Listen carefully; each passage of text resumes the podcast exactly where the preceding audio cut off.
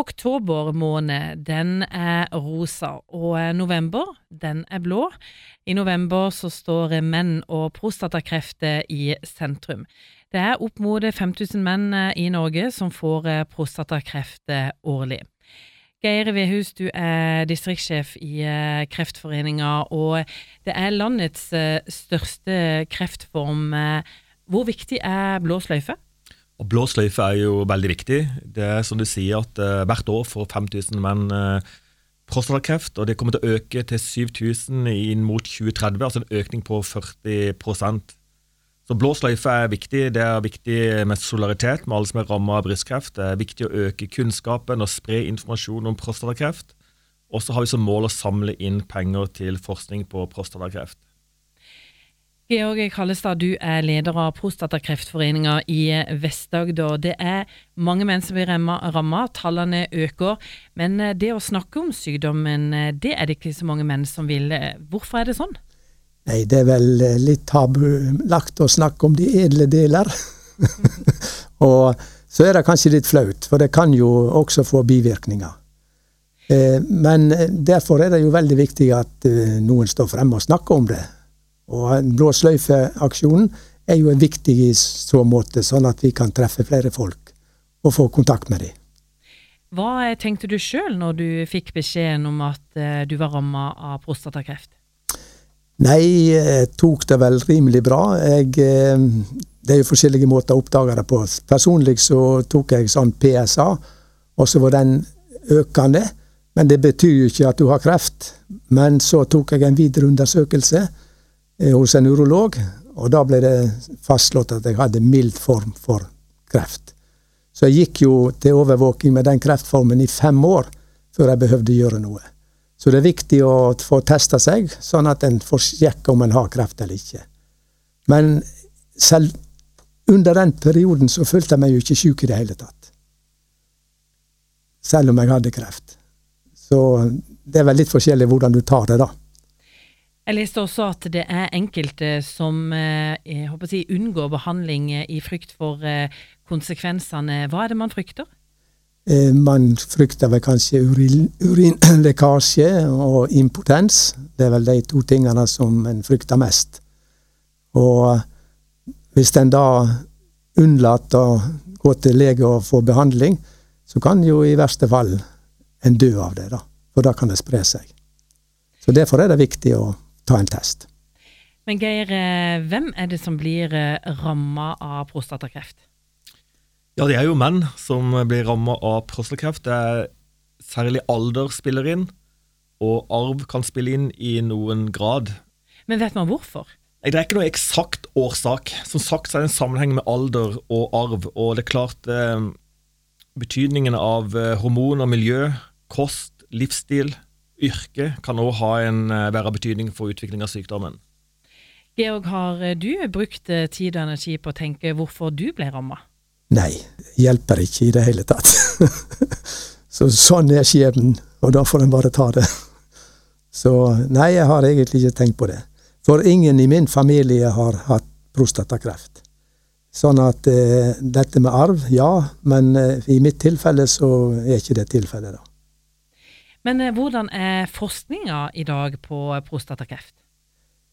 Ja, forskninga er vel eh, noe som vi ønsker å satse mye mer på. Eh, det er vel ikke noe sånn gode metoder å oppdage prostatakreft tidlig. Så i fjor så gikk pengene som vi samla inn, ca. 3 millioner, til et prosjekt i Stavanger, som da testa ut nye metoder for å fastslå om en har kreft eller ikke. Og det er jo det som er viktig med blå sløyfe, at vi får penger til forskning. Så vi oppfordrer alle til å kjøpe blå sløyfe. Du, eh, Vi snakka litt i stad om at eh, menn de snakker gjerne ikke om eh, sykdommen. Det er ganske skambelagt, er det ikke det? Jo, det er nok det. Det er nok veldig skambelagt. Og jeg kjenner en som ble operert for prostatakreft, og så spurte jeg om han skulle være med i foreninga. Nei, det ville han ikke. Han var kvitt kreften, og da var jeg ferdig med alt snakk om det. Så det er ikke så mange som vil prate så mye om det. Prostatakreft er jo viktig å snakke om. Det, de som rammes, trenger å høre at det går an å leve veldig gode liv etter sykdommen. Og for dem som opplever senskade, er det viktig å bli møtt med forståelse. Ja, for dette med senskader, det er jo et tema som selvfølgelig dukker opp. Ja, absolutt. Men eh, det finnes jo mange metoder å behandle det på òg, da. Sånn at eh, må ikke bli skremt for det. Og så er det her det er så viktig med, med, forskning på området. Vi trenger mer forskning, slik at vi kan få enda bedre verktøy for å sette presis diagnose. For Klarer du å sette presis diagnose, så kan du behandle akkurat syk, den sykdommen best mulig. og Da blir det flere som overlever, og det blir mindre bivirkninger og senskader. Så forskning er kjempeviktig. Men hvordan er overlevelsestallene etter en sånn diagnose? Det er jo veldig høye overlevelsestall. Det er jo 95 som overlever prostatakreft. Så det er jo veldig høye overlevelsestall. og det er jo to forskjellige, eller det er jo mange forskjellige kreftformer innen prostatakreft. Noen er milde, og noen er mer aggressive. Og Det er jo spesielt de mest aggressive man ønsker å sette fokus på og få bedre diagnoseverktøy, slik at de kan behandles. Og så er det dette med livet etter eh, sykdommen, Georg. Man kan leve et eh, godt liv etter en sånn sykdom. Et helt fantastisk liv. jeg har det kjempegreit. Så nei, ingen skal være redd for å bli behandla. Og de aller fleste har det veldig greit etterpå. Så, for det er vel veldig viktig å, å, på en måte også sette fokus på? Ja, helt klart. Og så, hell i uhellet. Eh, når eh, jeg ble oppdaga prostatakreft eh, sånn etter hvert, så ble det også oppdaga at jeg hadde utposing på hovedpulsåra. Så hvis jeg ikke hadde hatt kreft, så hadde jeg ikke oppdaga det. Så den er jeg jo også blitt operert for, da. Så eh, hell i uhellet, tross alt. du, det er blå eh, sløyfe i eh, november. Da skal vi bytte ut den rosa og til den blå, eller kanskje bare begge to. Hvordan skal det markeres, dette? Jo, i går så var vi i Flekkefjord, på Kulturhuset Spira. Det var et ganske stort arrangement. Så skal vi på Sørlandssenteret med sportsforretningene der på fredag og lørdag 8. og 9. november. Så skal vi på temakafé i Mandal den 12.11. Da skal vi holde et innlegg på den temakafeen og fortelle om blå sløyfe. Det er i Tidemannsgården. Og så den 15. og 16. i denne måneden skal vi på Vågsbygd senter. Fredag og lørdag. Så det er bare å komme og kjøpe blå sløyfe.